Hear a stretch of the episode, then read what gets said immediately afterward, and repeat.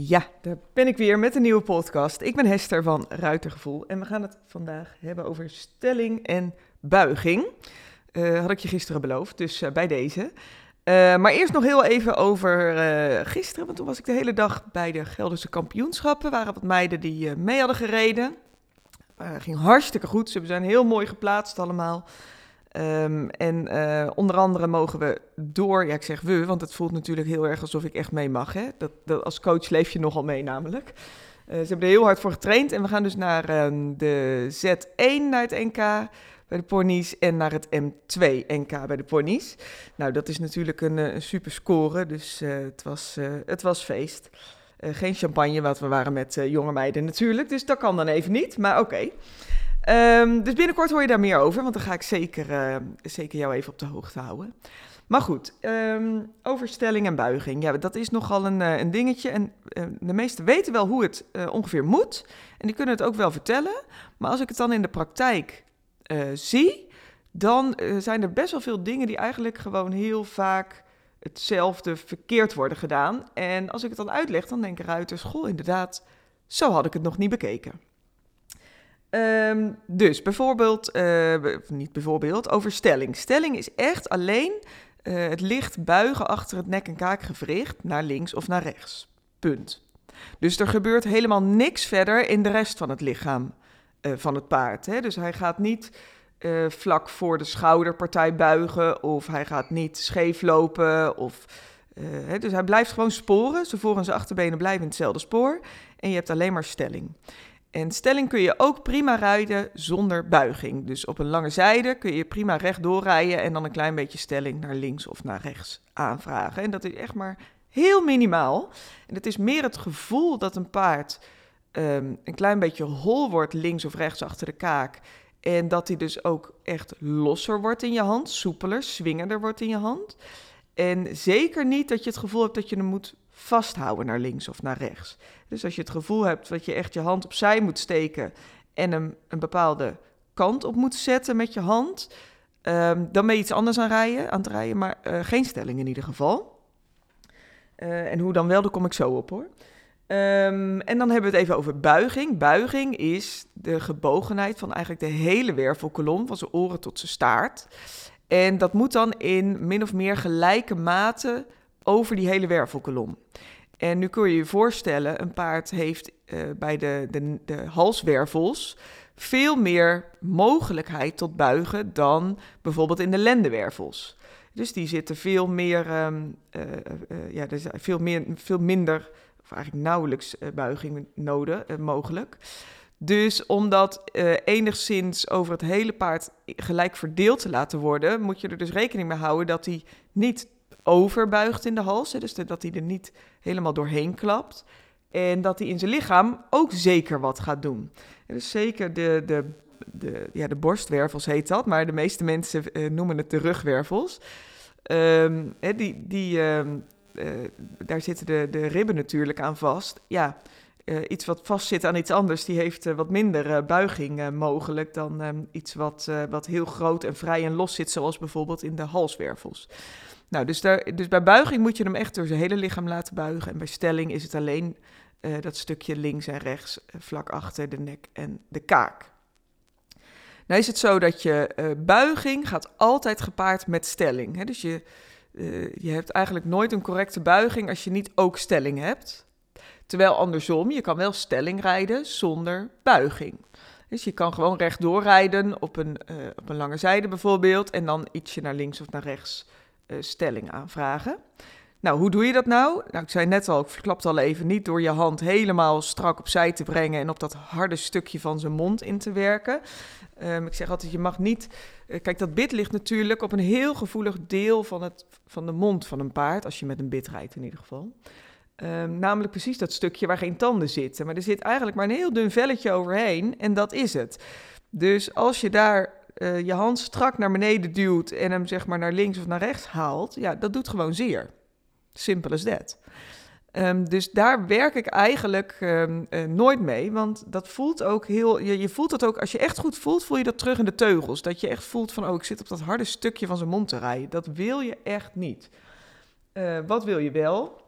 als je hand gewoon zachtjes draagt, hè, dus uh, niet overdreven hoog optilt, maar je draagt wel je eigen hand, dan kun je ook vanuit je elleboog, vanuit je pols, heel mooi vanuit je vingers meeveren met de mond van je paard. En wat voel je dan wel? Dan voel je eigenlijk het hoekje van zijn lippen, zijn mondhoekje. En dat voelt juist heel zacht. En dan kun je ook van daaruit heel prettig met je paard uh, communiceren. En dat vinden paarden uh, dan ook heel fijn. Hè? Want die, die voelen dan ook van, hé, hey, ik heb connectie. Hè? En die connectie die heb je natuurlijk vanuit je zit, vanuit je been, vanuit je hand. Uh, en ik zeg altijd, je moet ook connectie vanuit je hart maken. gaan we ook nog een keer een podcast over opnemen, over die hele, die hele verbinding en die, nou ja, die aanleuning. Um, maar goed, die stelling, dat, die, die kun je dus um, eigenlijk aanvragen. Ja, ik doe dat altijd door mijn hand een halve vuist ietsje op te tillen. En daar ietsje die stelling aan te vragen. En vaak is niet het, het moment dat je zeg maar daarop vasthoudt dat ze daarop gaan stellen. Maar juist het loslaatmoment is vaak het moment dat ze erop gaan stellen. Dus dat kun je ook best een keertje proberen. Van oké, ik vraag het aan, ik stel de vraag aan mijn paard. En op het moment dat je hand weer in een soort neutrale positie komt, dus dat je eigenlijk weer open staat voor het antwoord terug van je paard, dat is vaak het moment dat hij dan loslaat in de linker of de rechter kaakgewricht. En uh, dan heb je dus je stelling te pakken. Nou, wanneer gaat die stelling nou een beetje mis? Als je stelt, of de, je, de bedoeling is dat je stelling aanvraagt en niet alleen dat hele kleine stukje van zijn nek en zijn kaak gaat, um, um, gaat naar links of naar rechts, maar dat je eigenlijk de hele hals omzet. Dus dat je echt dat stukje waar de hals zeg maar vanuit die schouderpartij um, vanuit zijn romp komt, als dat stuk echt helemaal doorbuigt, dat is geen stelling meer. Dan overbuigt hij gewoon in de hals. En dat is eigenlijk iets wat je nooit wil.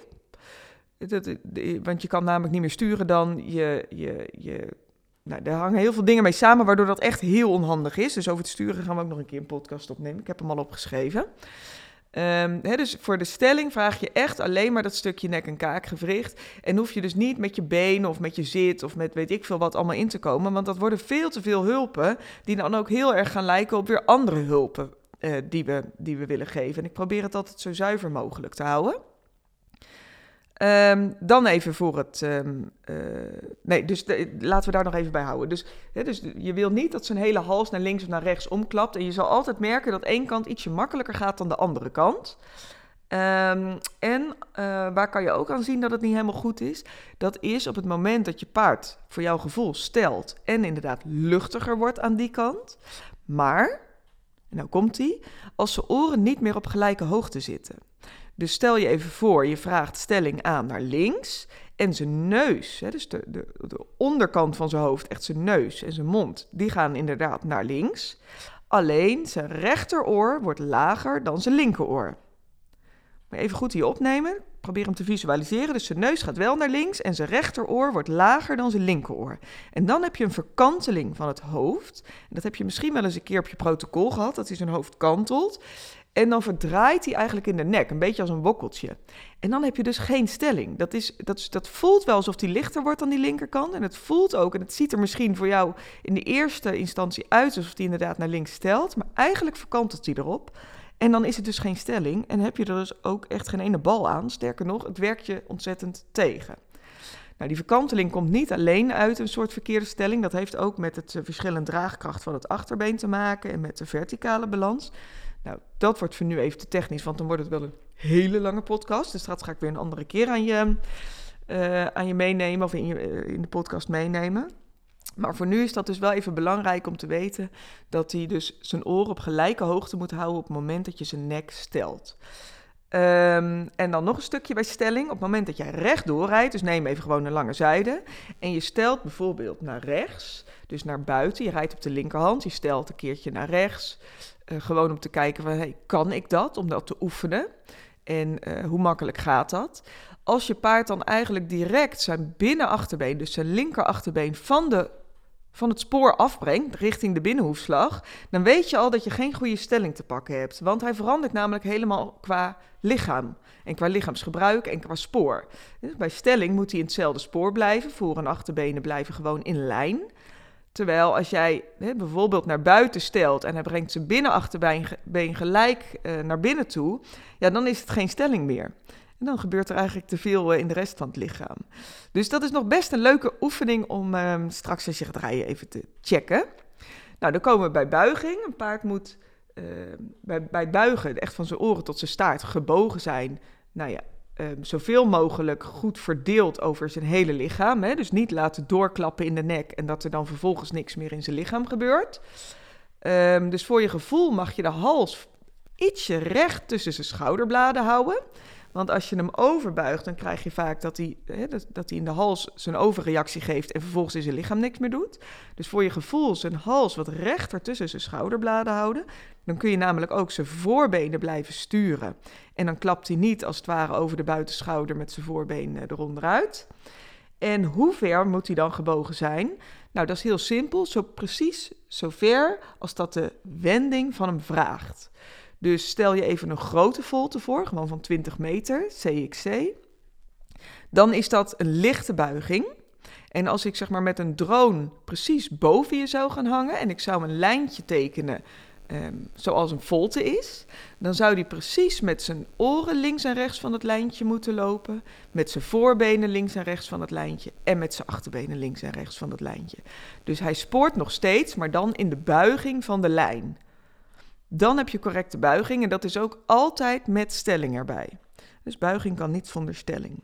Stel je nou eens voor dat je een volte van 10 meter gaat rijden, hè, dus bijvoorbeeld EXE, hè, volte halve baan. En die volte is dus wat sterker gebogen, want anders krijg je niet zo'n kleine volte. Dan moet hij dus ook meer gebogen zijn in het lichaam. En dan krijg je dus ook dat hij wat meer draagkracht pakt uh, op het binnenachterbeen. Hè. Dus dat is bijvoorbeeld ter voorbereiding een volte van 10 meter en van daaruit een schouder binnenwaarts bijvoorbeeld rijden. Want dan heb je hem eigenlijk al best heel fijn gedragen op dat binnenachterbeen en dan is het nog een kwestie van het voorbeen plaatsen. Um, en je lijntje uitrijden. Nou, ook daar gaan we wel een keer podcast over nemen. Dat is voor nu te veel. Um, maar ga maar, eens, uh, ga maar eens voelen of die links en rechts een gelijke buiging aanneemt. Um, en dan zal je zien dat bijvoorbeeld de kant dat hij wat makkelijker die hals meebuigt, dat hij daar vaak ook geneigd is om met het voorbeen een beetje onder jouw buitenteugel door te piepen met zijn buitenschouder en ietsje over die buitenschouder heen te lopen. Terwijl op de kant dat jij ervaart dat hij wat moeilijker buigt, er zal die misschien uh, met de schouderpartij wat meer aan de binnenkant van die volte, van die wending blijven leunen. En dan zal je misschien geneigd zijn om hem voor je binnenbeen een klein beetje verder om te zetten. Nou, en dan eigenlijk de meest gevaakte fout daarbij is dat een ruiter het binnenbeen daarin naar achteren gaat leggen. En als je dat doet, dan zegt je paard gewoon: Oh, dankjewel. Dat vind ik heel makkelijk. Want ja, als je op de, op de kant dat hij moeilijk buigt, hè, dus stel dat hij linksom wat moeilijk buigt en je draait linksom een volte in en jij legt je linkerbeen wat naar achteren om hem daarvoor om te laten buigen. Dat is dan je intentie. Maar je binnenbeen ligt verder terug dan dat je normaal gesproken zou doen. Dan zal die dus niet buigen om jouw been. Nee, dan zal die met het achterbeen verder naar buiten gaan stappen. Dus dan maak je het niet buigen eigenlijk nog erger. Dus uh, als je merkt dat dat zo is, probeer dan zeker ervan te zijn dat jouw binnenbeen echt heel mooi voor uh, precies op de plek blijft liggen en dat je daar de reactie van je paard gaat oefenen. En ook uh, jouw reactie om op tijd weer los te laten vanuit jouw kuit. Dus de buiging is vanuit je been, vanuit je zitten, vanuit je hand. Hè, dus dat hij om jouw binnenbeen heen kan buigen. Terwijl de stelling eigenlijk gewoon met je teugel links en rechts een halve vuist ietsje optillen is. Um, nou kan ik me voorstellen dat dit uh, misschien nog wat meer vragen met, je, met zich meebrengt. Want dit is gewoon uh, eigenlijk in een kwartiertje heel kort uitgelegd het verschil tussen stelling en buiging en um, een aantal van de meest gemaakte fouten. Dan heb ik een hele vette online training, namelijk Mastering the Basics. En in die training, daar leg ik je echt super uitgebreid uit en laat ik je ook zien met uh, masterclasses, met video's, waar je nog aan kan zien uh, dat een paard correct stelt en buigt. Het is waar je dat vanaf dat je op je paard zit kan zien. En dan heb ik het niet alleen over de oren van je paard, maar um, echt over iets anders. En dat zit onder andere in die training. Nou, wat zit er nou nog meer in? Hoe je kan voorkomen dat hij bijvoorbeeld over de buitenschouder wegloopt. Ehm, hoe je precies je hulpen geeft. Ehm, nou, echt allemaal dingen waarvan je denkt, ja, dit is echt de basis van de basis. Dus ehm, zeg je nou van oké, ik weet dat het niet um, uh, super uh, stoer is om hele vette oefeningen te rijden en allemaal schouderbinnenwaarts en appiëmenten en weet ik veel wat allemaal. Maar ik weet dat het eigenlijk in de basis bij mijn paard, dat, dat als we daaraan gaan werken, dat we dan zoiets fantastisch neerzetten, dat we van daaruit wel al die prachtige dressuuroefeningen kunnen gaan rijden. En wil je dat? Nou, dan wil ik je uitnodigen om zeker eens uh, te kijken naar uh, de online training Mastering the Basics. Want daar zit echt alles in, maar echt alles. Waardoor je een superbasis ehm, neer kan zetten bij je paard. En wat heel vet is, en dat is, dat is echt nieuw aan deze training, je mag ook je eigen video daarin opsturen, waardoor ik dus ook echt met je mee ga kijken.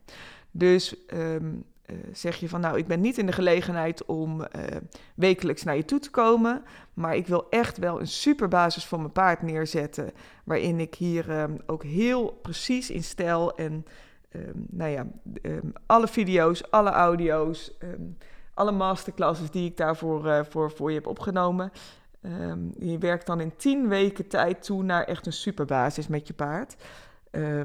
ja, uh, ik ben echt super enthousiast over deze training. Die moet je eigenlijk gewoon hebben. Um, en ook wat ik terugkrijg van alle, van alle ruiters die hem al gedaan hebben, of die er eigenlijk elke keer weer naar teruggrijpen.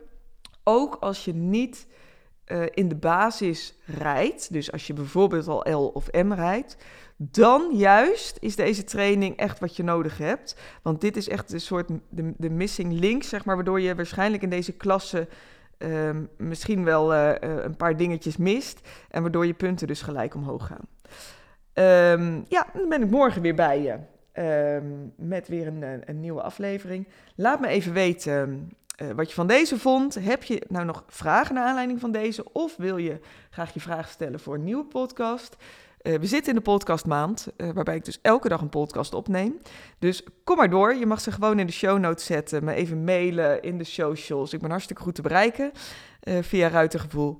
Dan zie en hoor ik je heel graag de volgende keer weer. Dus tot morgen.